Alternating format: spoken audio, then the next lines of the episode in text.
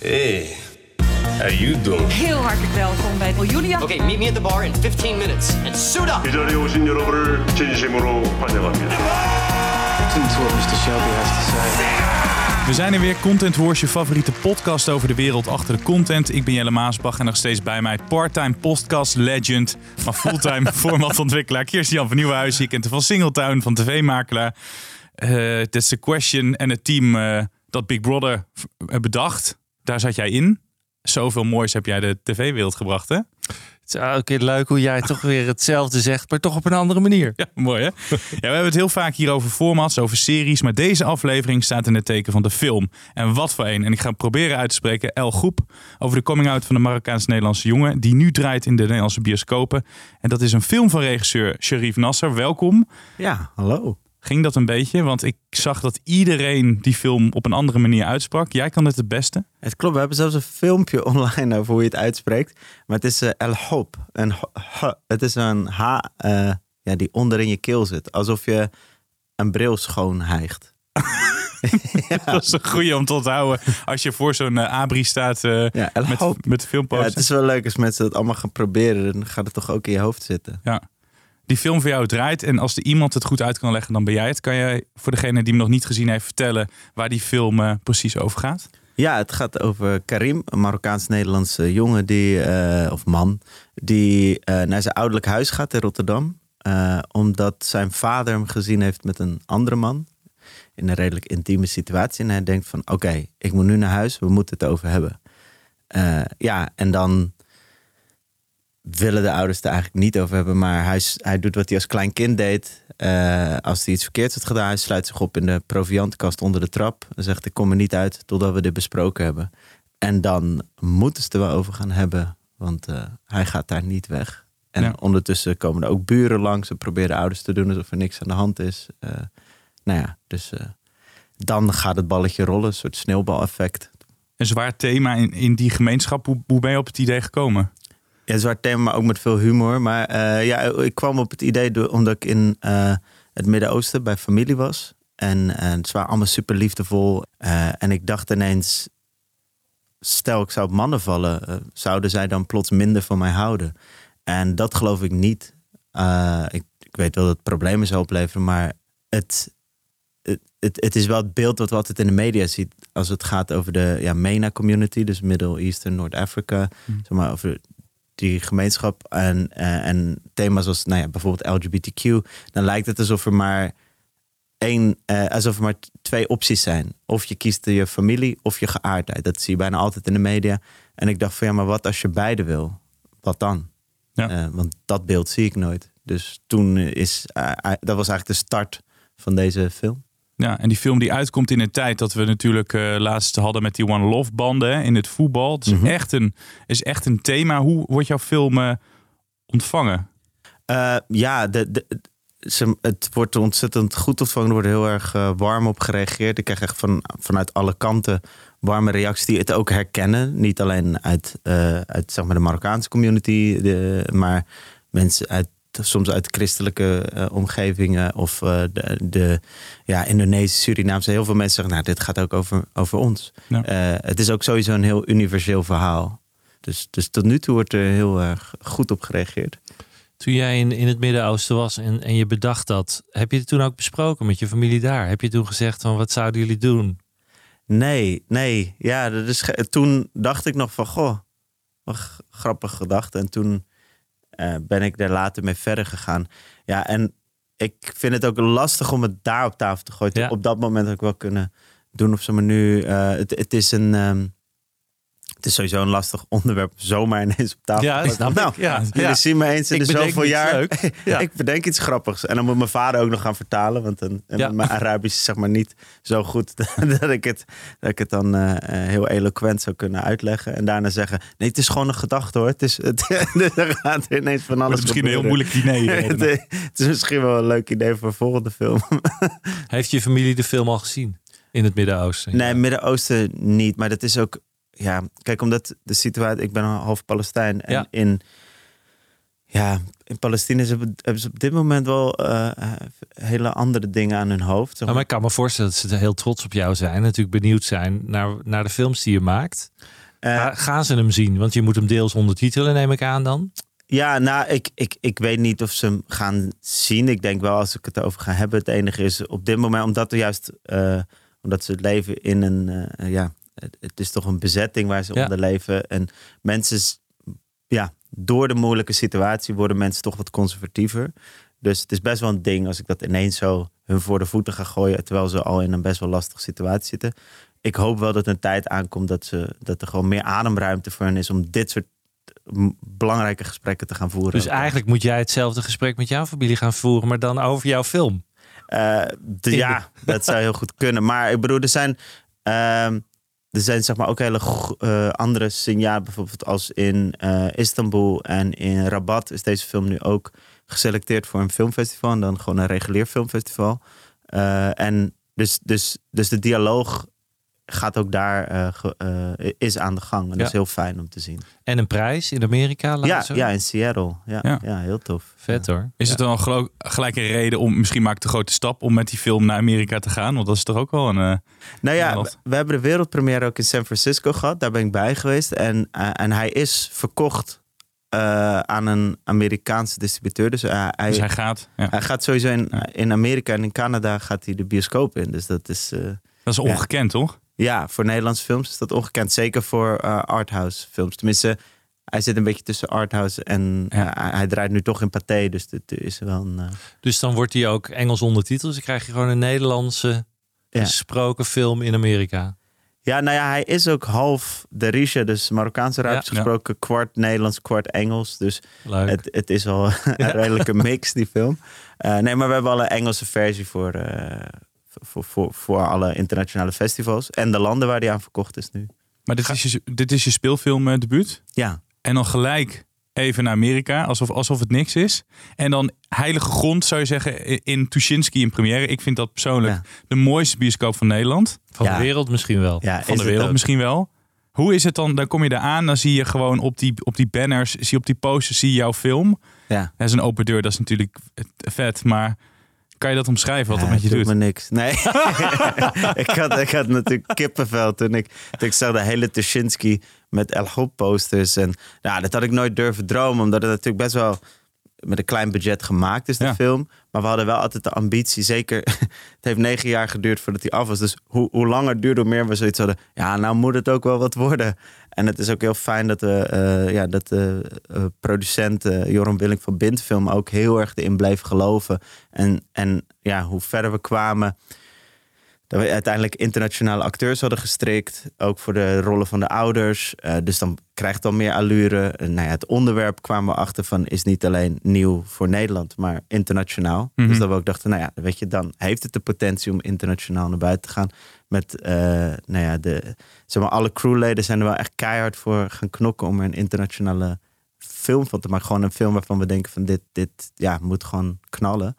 En ik ben blij dat die ook dan goed ontvangen wordt. Dan is Zeker. er zoveel Ja. bombarie voor niks. Maar, eh, nee, maar daar ben ik heel blij mee geweest. Dat ook Bind bijvoorbeeld dacht van... nee, weet je, we gaan hem gewoon in Tuschinski eh, eh, in première laten gaan. Steun van de distributeur ook. Dat we gewoon zeiden van... we, we gaan gewoon keihard de wereld in. Omdat de, het onderwerp in de film dat verdient. Ja. Nou ja, het is dan fijn dat, ook zo, dat je merkt dat de pers er ook op duikt en zo. Dat vind ik wel interessant, want jij zei het heeft negen jaar geduurd voordat hij in de Ja. bioscoop kwam. Kan je ons, je hoeft misschien niet per, per dag die negen jaar ons mee te nemen, maar grofweg. Want het is wel interessant van hoe gaat je, eh, hoe bedenk je dat idee en hoe komt hij uiteindelijk in de bioscoop? Want voor heel veel mensen is dat een soort van Ja. black box van die weten niet Ja. wat er dan achter de schermen gebeurt. Ja, ik had, ik had eerst dus, eh, nou ja, deze gedachte. Daaruit voor, kwam een idee voor dat ik dacht van, ja, een, een man. Dat ik dacht, het moet gewoon daar ook beginnen bij een man die dat zijn familie vertelt. Dat was mijn eerste beeld. En dat hij dan schrikt van zijn eigen, eh, eh, van zijn ei- eigen openbaring en rent dan eh, in de proviantkast, sluit zich op. En die is meer van schrik, van wat heb ik nu gedaan? En, en toen zat ik met dat idee en toen was ik daarover gaan praten met uh, Fed Larzawi uiteindelijk, die de, die de hoofdrol ook Ja. speelt. En die heeft iets soortgelijks meegemaakt, wel heel anders dan de film, maar ehm, de- daar ben ik toen mee gaan zitten. En die had. ehm, ja, die vond het meteen tof. En toen zijn we gaan brainstormen. En toen is het verhaal een beetje gaan ontstaan. Nou, dan ga je naar een producent op zoek. En je denkt, hé, hey, ik heb een idee voor een film. En Want je, zelf, je hebt zelf het scenario geschreven. ja, ja, uiteindelijk is daar later Philip de Maar nog bijgekomen. Samengeschreven en heel veel input van eh, allemaal mensen. En ehm, die. Eh, nou ja, toen, toen hadden we idee. Dat leek ons eerst een kleine film, lekker in één huis. Maar dat werd, nam steeds grotere proporties aan. Eh, toen, toen de film ook langer werd. Toen we naar lange speelfilm gingen. En daar allemaal flashbacks kwamen. De kast uit elkaar ging vallen. En ineens je in, in een soort magisch realistische wereld gooit ook. Ehm, en, eh, maar goed, dus, dus, dus in dat proces werd het steeds een groter verhaal. Alleen het, wat het lastigste element is geweest, is de financiering. Dat is eigenlijk altijd hè, in Ja. Nederland zo'n beetje. Ja, ja, ja. Eh, En hoe doe je dat? Hoe, hoe vind je toch, wat, wat is het budget van de film? de- eh, uiteindelijk heeft hij 1,2 miljoen gekost. Want 1,2 is ongelooflijk. Want daar, normaal gesproken voor veel streamers maken één aflevering van 40 minuten voor 1,2 miljoen. Ja. Dus zelfs voor Nederlandse begrippen is dat ook echt wel weinig. Ja. En hoe, hoe haal je dat bij elkaar? Waar, waar haal je het geld vandaan? Nou, dit is uiteindelijk via de oversteek, eh, wat binnenkort helaas niet meer bestaat. Maar dat is eh, een eh, initiatief van eh, NPO en Filmfonds, die dan samenwerken om een speelfilm, je, e- de eerste speelfilm van iemand, die dan ook voor, ehm, die echt bedoeld is als een, als, als een ehm, festivalfilm. Dus een beetje internationaal allure, maar ook cinematografisch, gewoon dat je echt alles uit de kast wil halen voor het grote doek. Mhm. Een film voor het grote doek. Dus niet een telefilm, maar echt eentje waar je uitpakt. En daar is hij uiteindelijk geselecteerd. eh, dat is zeg maar een soort competitie bijna. Van, volgens mij zijn er acht. Die gaan er schrijven. Nou, dan vallen er vier af. Mogen er vier doorschrijven tot scenario. En van die vier worden er twee gekozen. En die mogen hem eh, gaan maken. Dus Ja. dat betekent dat hij bij de NPO uiteindelijk ook uitgezonden gaat worden. Ja, ja. En weet de je al of die daarna... Is er dan ook nog een kans dat hij op de streamer komt? Zeker. Ja. Ja. Ja, ja, ja, We hebben die vrijheid om hem ook aan... eh, Dat mag dan ook, Ja, ja. Ja. Dan mag je hem dus ook aan een, een, aan een een Netflix of een HBO of moet het Ja. wel NPO Plus? Nee, nee, nee. Dat kan, eh, is dan in samenwerking voor mij wel met de VPRO. Maar je mag hem... eh, eh, hij mag naar een streamer daarna. Nou, tof. Daar gaan we het zo meteen verder over hebben. Ook over je toekomstige projecten. Eh, eerst even naar de persoon die deze week eh, in de hoofdrol staat. In de hoofdrol. Ja, jij had iemand uitgekozen volgens mij, toch? Ja, Paul de Leeuw. Ja, Paul de Leeuw. Nou ja, goed, Paul heeft natuurlijk eh, vorig seizoen ehm, een best wel glorieuze comeback gemaakt met het busje komt zo, waar wij allebei wel enthousiast over waren. Zeker, kijkcijfers waren matig, maar eh Ja, Ja. dat hoor ik. Ja, het nou, was wel een heel grappig programma. Eerste Ja. seizoen was, viel het nog best, waren ze best oké. Ehm, en was ook echt wel Paul zoals hij vroeger hè, in zijn, eh, in zijn al zijn gekheid. Eh, met een hele leuke rol natuurlijk als sidekick de voice-over. Wat ik leuk gevonden vond. Tweede seizoen, gek genoeg, werden de afleveringen heel goed gewaardeerd. Maar er keken heel weinig mensen na. Ja. Eh, wat wel jammer was. Maar de kans dat het een derde seizoen is daardoor een stuk kleiner geworden. Alleen, Waarom, die in de hoofdrol ja, staat. waarom zit hij in de hoofdrol? Hij gaat een van mijn lievelingsprogramma's gaat hij weer doen. En dat kan ook alleen maar hij. En dat zagen we ook Ranking the Stars. Ja. En dat is soms zit er echt een, een C-garnituur. Maar hoe hij dat aan elkaar praat met die gekke bumper. Dat hysterisch drukke gedoe. Het is echt geniaal hoe hij dat doet. Ja. En dat werd door eh, onze grote vriend Eddie Zoe even gedaan.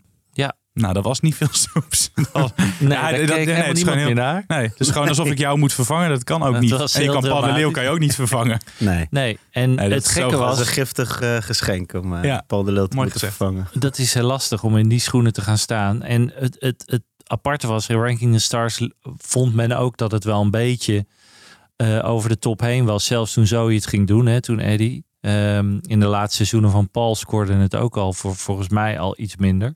Maar plotseling door eigenlijk dat seizoen van Zoe heeft iedereen er weer zin in. Ja. Dat Paul het gaat doen. Dus ik vind het een hele goede keuze. De grap is nu ook dat het van de commerciële naar de publieke gaat. BNN-Vara wordt Ja. nu over gepraat. Hè, dat het daar uitgezonden gaat worden. Waar het ook ooit begon. Ja, ik acht de kans heel groot dat het wel weer gewoon gaat scoren met Paul. Eh, er zijn wel wat, wat vragen. Wie, wie gaan erin zitten? Ja, want we weten dit, dat moet ik er wel bij zeggen. Hij, eh, Paul de Leeuw maakte de overstap naar RTL. Toen mocht hij dat format meenemen. Toen ontbond hij zijn contract en toen bleef in één keer dat format daar liggen. Ja. Er wordt nu wel over gesproken van dat Ranking the Stars terugkomt. Omdat Bridget Maasland bekend heeft gemaakt. Ik ben gevraagd voor dat seizoen. Ja. Maar ik wil het niet doen. Dus toen wisten we gelijk, oké, dan komt het terug. En het komt met Paul de Leeuw. Maar de vraag is, wie wil daar zitten?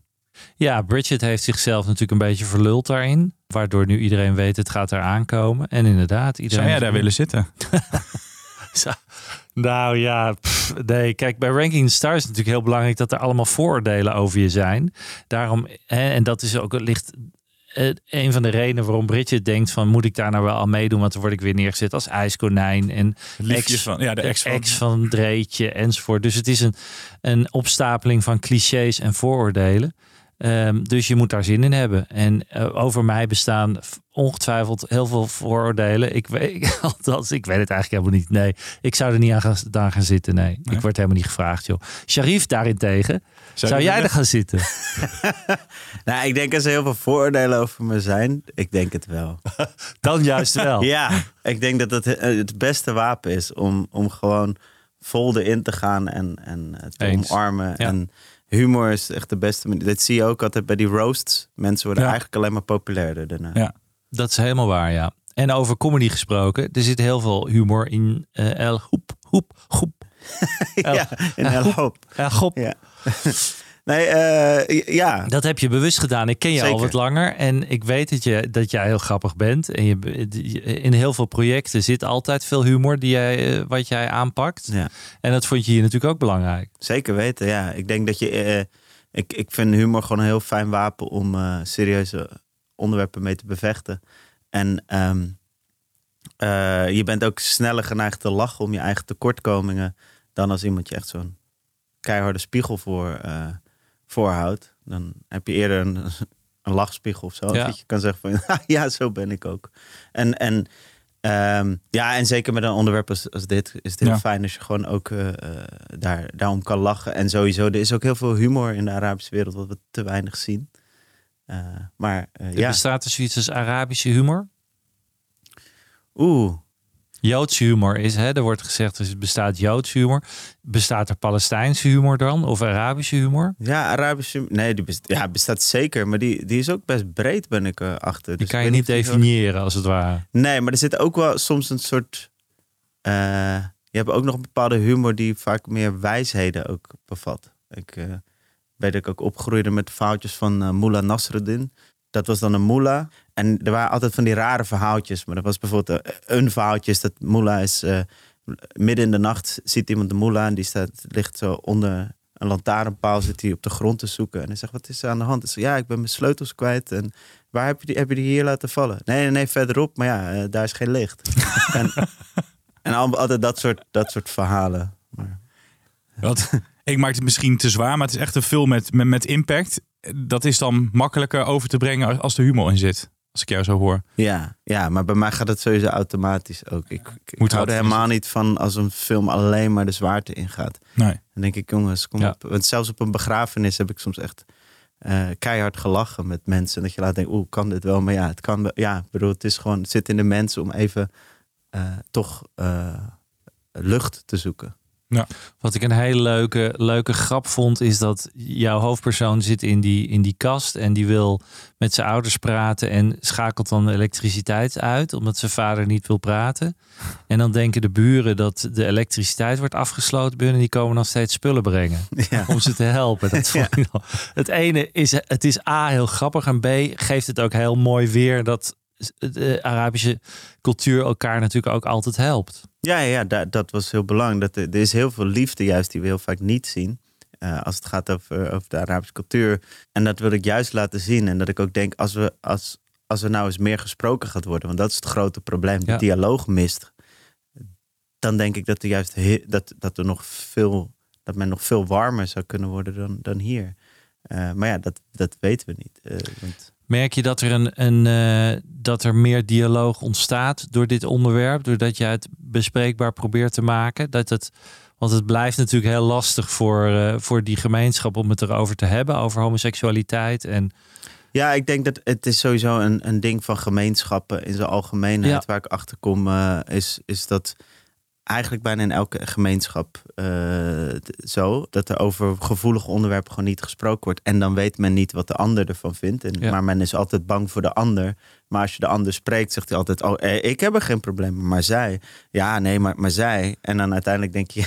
Oh, eh, ja, wie is zij dan? Maar ik merk wel door de film dat al heel veel mensen zeggen van...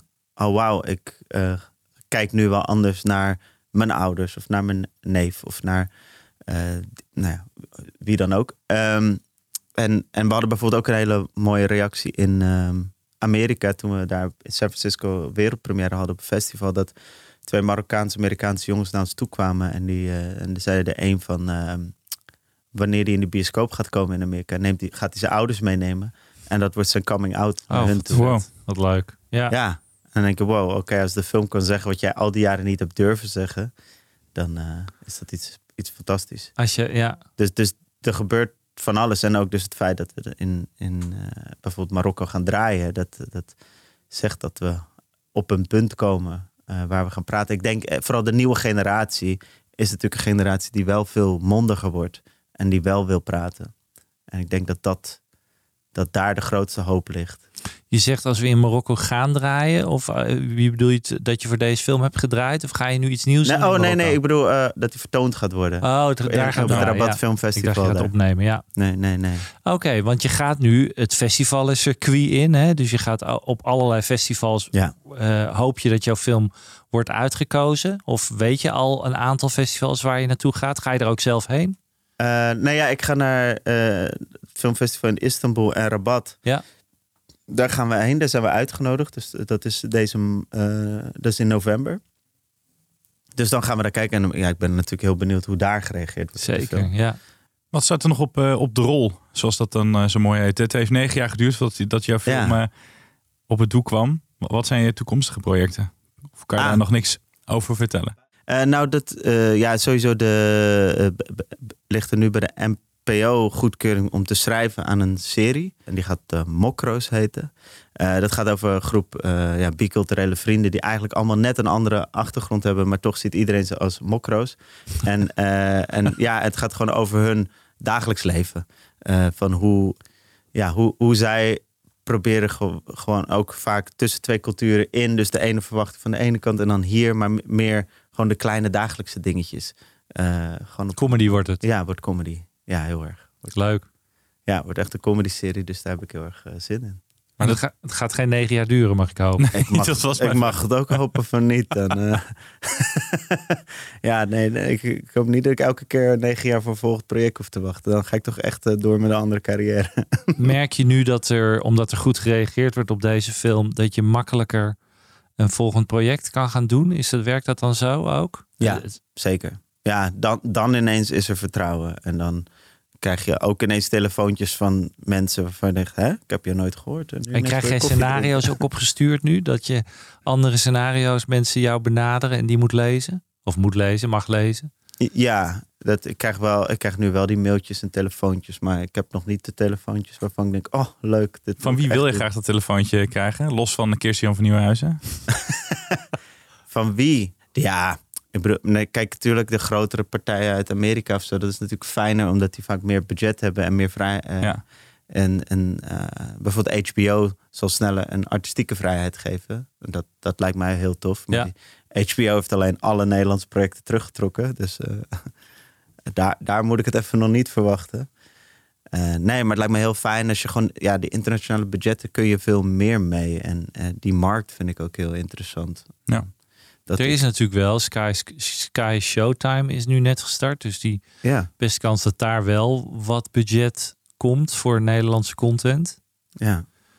Ben je Ja. daarmee, eh, ben je streamers, heb je streamers benaderd of hou je daar echt wel rekening mee om te zeggen met, want Nee, nog niet. Ik ben wel met bepaalde projecten bezig waarvan ik denk die wil ik wel gaan pitchen bij verschillende streamers. Ja, want ik, ik merk toch bijvoorbeeld ook zo'n NPO is toch een heel log orgaan. En dat duurt, dan moet je gewoon lang adem hebben. Dus Ja. ik heb zoiets van, ik ga niet heel veel projecten daar neerleggen, want dan ben je continu in die lange trajecten bezig. En heb je elke keer te maken met wat ik toch wel lastig vind, zo'n genre manager die op het einde alsnog eens in, zijn of haar eentje kan bepalen. Nee, gaan we niet doen. En ik denk, hè, maar wacht, de hele omroep staat erachter. Ja, En het is ongelooflijk. ik vind het echt, echt absurd en Ja. ook niet meer van deze tijd. En ik, ik hoop dat daar een verandering in gaat komen. Want anders gaan de streamers de NPO gewoon voorbij lopen. En komen er dadelijk geen dramaseries op de NPO. Omdat het gewoon niet meer haalbaar is. Het lastige is natuurlijk, die, die genre managers zijn net ingesteld. Ja. Dus het is, de kans dat dat snel zal veranderen is, eh, is klein. Die eh, bureaucratie wordt alleen maar erger bij de NPO.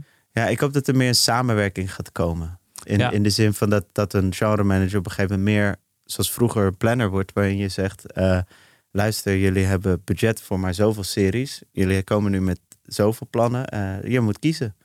Weet je, stel je zegt, je hebt zes plannen, je mag er twee doen. Kies, kies zelf welke twee jij het interessant vindt en dan gaan we daarover praten. Ja. Eh, want zo'n omroep zou zelf moeten weten wat zo'n kijkers wil.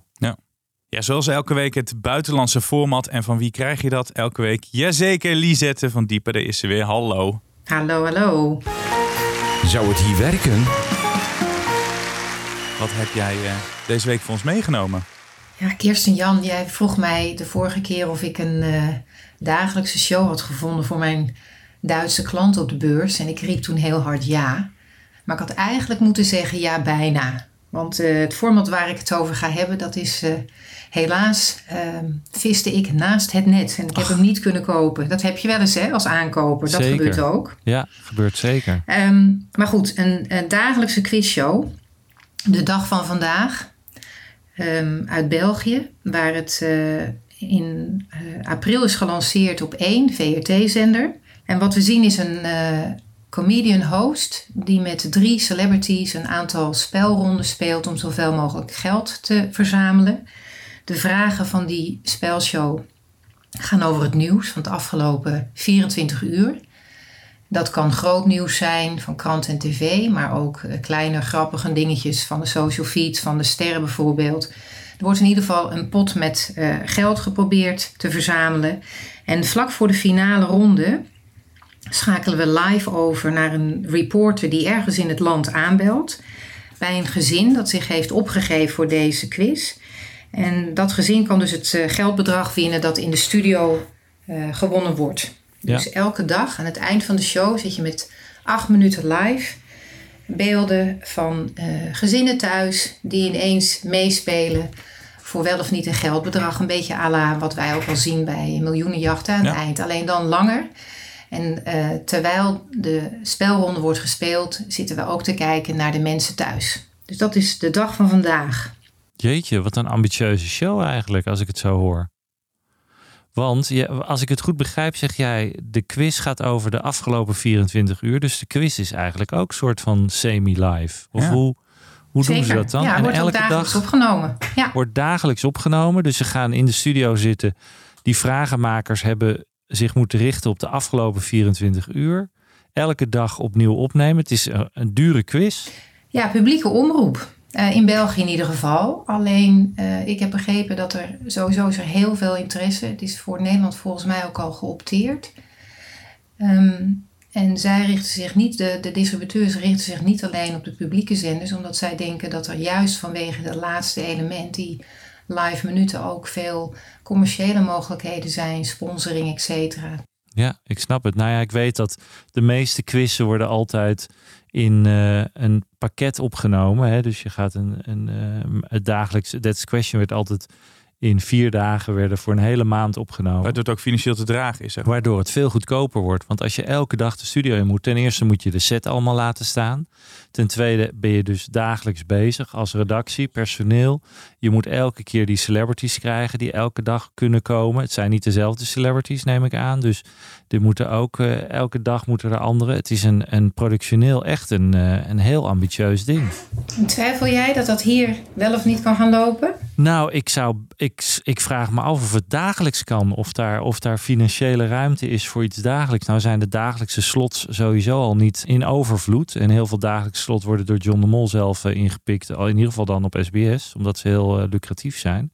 Maar als je kijkt naar RTL, als je het hebt over eh, commerciële zenders, dan hebben die een, een aantal dagelijkse slots die toch best wel heel erg vast liggen. Dus ik zou dit eerder een wekelijkse show vinden zijn eh, met die budgetten. Maar dus ik ben ontzettend benieuwd. Ik vind het idee heel erg leuk. Maar namelijk. hier gebeurt iets unieks, hè? Want jullie zijn het elke keer eens geweest. Dus Lisette, als jij zegt onzin, Kirstian, dat gaat wel werken. Dan hebben we een primeurtje. gebeurtje. Nee, de vraag is of we denken dat het gaan werken. Kijk, wat, wat, wat, wat mij opvalt is dat deze eh, quiz die ik graag eh, had willen kopen heel snel wegging op de beurs. Dus Ja. daar is heel veel interesse voor getoond. Eh, maar inderdaad, als ik naar Kirsten luister, denk ik ook ineens van ja, misschien, misschien is het wel een onderwerp van gesprek. Alleen voor mij maakt het niet meer uit, want ik kan hem niet meer kopen. Nee, nee, ik snap het. Nou, ik vind het ontzettend leuk idee namelijk. En ik, zou, ik had het graag ook willen verzinnen. En dat is altijd een goed teken, denk ik. Maar ik, productioneel gezien zie ik heel veel haken en ogen. Dus dat is, eh, is een dure quiz, in ieder geval. Dat wel. Maar ik snap waarom er interesse is. Want Ja. het is wel een heel origineel idee. Het was heel vernieuwend, absoluut. Klinkt echt heel tof. Dus eh, benieuwd wie het dan gaat uitzenden. En Heel die mogen dan ons komen uitleggen hoe ze dat eh gaan. Hoe ze dat Als gaan ik erachter ben, hou ik jullie op de hoogte. Dankjewel. Super. Dankjewel, Lisette. We zijn er bijna, maar we sluiten altijd eh, de uitzending af met een tip voor een serie. Eh, dus je kan nog even nadenken, Sharif. Dan ga ik naar eh Kirstian. Ja, nou ja, mijn tip is, is eindelijk weer een format. Want we hebben het natuurlijk vaak over drama. We tippen vaak eh, de streamers en ook wel eh, ook, ook de NPO natuurlijk. Ehm, en de, zelfs Videoland en RTL, eigenlijk allemaal wel. Eh, dit is een nieuw programma wat gaat beginnen op RTL 4 aanstaande zaterdag. Grote primetime familieshow. En dat heet ook The Big Show. Dat is een BBC 1 format met Michael McIntyre op, eh, in Engeland. Wat al heel veel prijzen heeft gewonnen. Een aantal BAFTA's en ook de Roos Door. Hè, die Willem ook gewonnen had met Ja. de phone. Eh, dit is een hele grote zaterdagavondshow met in Engeland eh, een van de grootste presentatoren, Michael McIntyre. die voortdurend mensen verrassen op allerlei manieren. En daar zit heel veel humor in. Dat gaat Ruben Nicolai doen op RTL 4. Best wel een lastige show, want heel veel eh, eh, rust op de schouders van een leuke presentator. Dat is Ruben natuurlijk. Maar Michael McIntyre is wel A-categorie in Engeland. Dus de vraag is, kan die dat, eh, kan die dat waarmaken? Het is ook een show waarin eh candidates worden gedraaid, die altijd heel moeilijk zijn. Daar gaan we misschien een aflevering een keer over doen, over candidates. Ehm, en ook mensen verrast worden op allerlei manieren. Er zit heel veel risico in, in dat soort items te draaien, of dat wel echt leuk wordt. Ze hebben dus ook heel veel aan een, een Bijbel uit Engeland, waarin ze Mhm. dat op de juiste manier kunnen doen. Maar ik ben heel benieuwd wat het gaat worden. Of het echt leuk gaat worden. Want zaterdagavond shows die lukken, zijn er niet zo heel veel eh, voor de hele familie. Die zijn vaak mislukt, hè, de laatste Heel vaak. En mislukt. dit moet dan een miljoen, anderhalf miljoen moet het wel. dit moet wel sowieso eh, richting het miljoen gaan. En, en inderdaad, het zou mooi zijn als het er overheen gaat. Ik weet niet of dat lukt. Maar ik ben heel benieuwd hoe ze het gaan doen. En in Engeland, wat ik zeg, is het een groot succes. Ook al verkocht aan een aantal landen. Nou ja, we gaan het zien of, of Ruben het kan doen, eh, kan maken. En eh, ik ga kijken, ik ben benieuwd. Nou, hier ga ik niet meer overheen. Ik heb dus wel een, eh, een serie van Netflix. Young Royals 2, voor degenen die één hebben gemist. Het is een beetje hetzelfde thema. Je had het net over, Sherif, over eh, in elke gemeenschap is dit. Dit gaat over een Zweedse kroonprins die ja, gay is, en, maar dat natuurlijk niet kan zeggen, want hij is de troonopvolger. Zijn broer Heeft hij overlijdt. tegen zijn ouders wel verteld? Nee, hij wordt op een gegeven moment, eh, nou ja, seizoen 1 kan ik wel verk- verklappen. Hij wordt verliefd op een jongen op die kostschool. En ze worden, helemaal in jou. ze worden- eh, ze- worden helemaal over jouw film ze worden betrapt eh, en dan, en dan moeten ze dus gaan spinnen. Nee, maar ook dat het in die gemeenschap, in, in het koninklijke huizen kan het natuurlijk ook niet. Hij is de troonopvolger, hij moet met een vrouw eindigen. Ja. En die jongen is Hij doodongelukkig. moet nageslacht leven. Ja, en die wordt ja. verliefd op een Ja, andere jongen. En seizoen 2 begint dat ze weer gescheiden zijn. En dat de koninklijke familie alles eh, eh, negeert, ontkent. En een ontzettend ijskonijn als, eh, als moeder. Waar koning de queen nog gezellig bij leek, zeg maar. Eh, maar ja, dat, dat, dat is wel een goede serie. Die is ook helemaal beladen met goede recensies en prijzen. Dus eh, seizoen 2, Young Royals. Ja, nou moet ik natuurlijk Ja, iets Ja, nee, we zeggen. hebben je niet te voorbereid. Dus als je zegt, ik ga nog een keer mijn film pluggen. Ja, ook. ja, ga naar El Hoop in de bioscoop. Nee, ehm, ja, ik, ik, eh, ik zou denk ik dan nu Mo aanraden op Netflix eh, met Mo Amer. Eh gaat eigenlijk over een Palestijnse Amerikaan. Maar hij is, nou ja, hij is eigenlijk nog niet Amerikaan op dat moment. Want hij zit er al jaren. Maar hij heeft nog steeds niet zijn eh, green card. Ja. Maar ondertussen, heeft is hij, ja, als Palestijn heeft hij ook niet echt een identiteit. En hij probeert de- in Amerika dan het leven op te bouwen. Maar is on, het, is ook het waar gebeurde verhaal van Mo Ammar. Oh, Tenminste, gebaseerd op zijn eh, eh, ervaringen. En eh, het, is, het is een comedy-serie ook, maar wel met eh, g- mooi drama erin. Het gaat heel erg over hoe hij daar probeert te overleven. En eh, ondertussen heeft hij een, eh, een, een christelijke Mexicaanse vriendin, wat natuurlijk door, door familieleden daar ook niet heel erg Ja. gewaardeerd wordt. Maar, hij, maar het is allemaal heel erg fijn, met, eh, waarin de heel veel voordelen ook ontkracht worden. Ik vind het een, een super mooie serie. En eh, Mo zelf zat ook in de serie Rami, wat ik zelf ook een tweede aanrader vind. Die is dan van Hulu. Eh, maar dat is, eh, eh, dat is ook een hele toffe serie eh, over ja, eigenlijk een hele andere kant van die eh, Arabische cultuur. Wat ik heel grappig vind. Gewoon een dubbele tip eigenlijk op ja, het einde. dubbele tip. Pap, pap. Nice, bam bam. Ja, drie Dankjewel. zelfs. Hey, dankjewel dat je hier wilde zijn, eh Sharif Nasser, eh, om over je film te Nou, praten. En ik stel voor, eh, als je serie dan draait, Mokko's, dat je gewoon eh Ja, een leuk. keer over aanschuift. Ja, nee, tof. Spannend. Dankjewel. Super. Oké, graag gedaan. Jullie bedankt.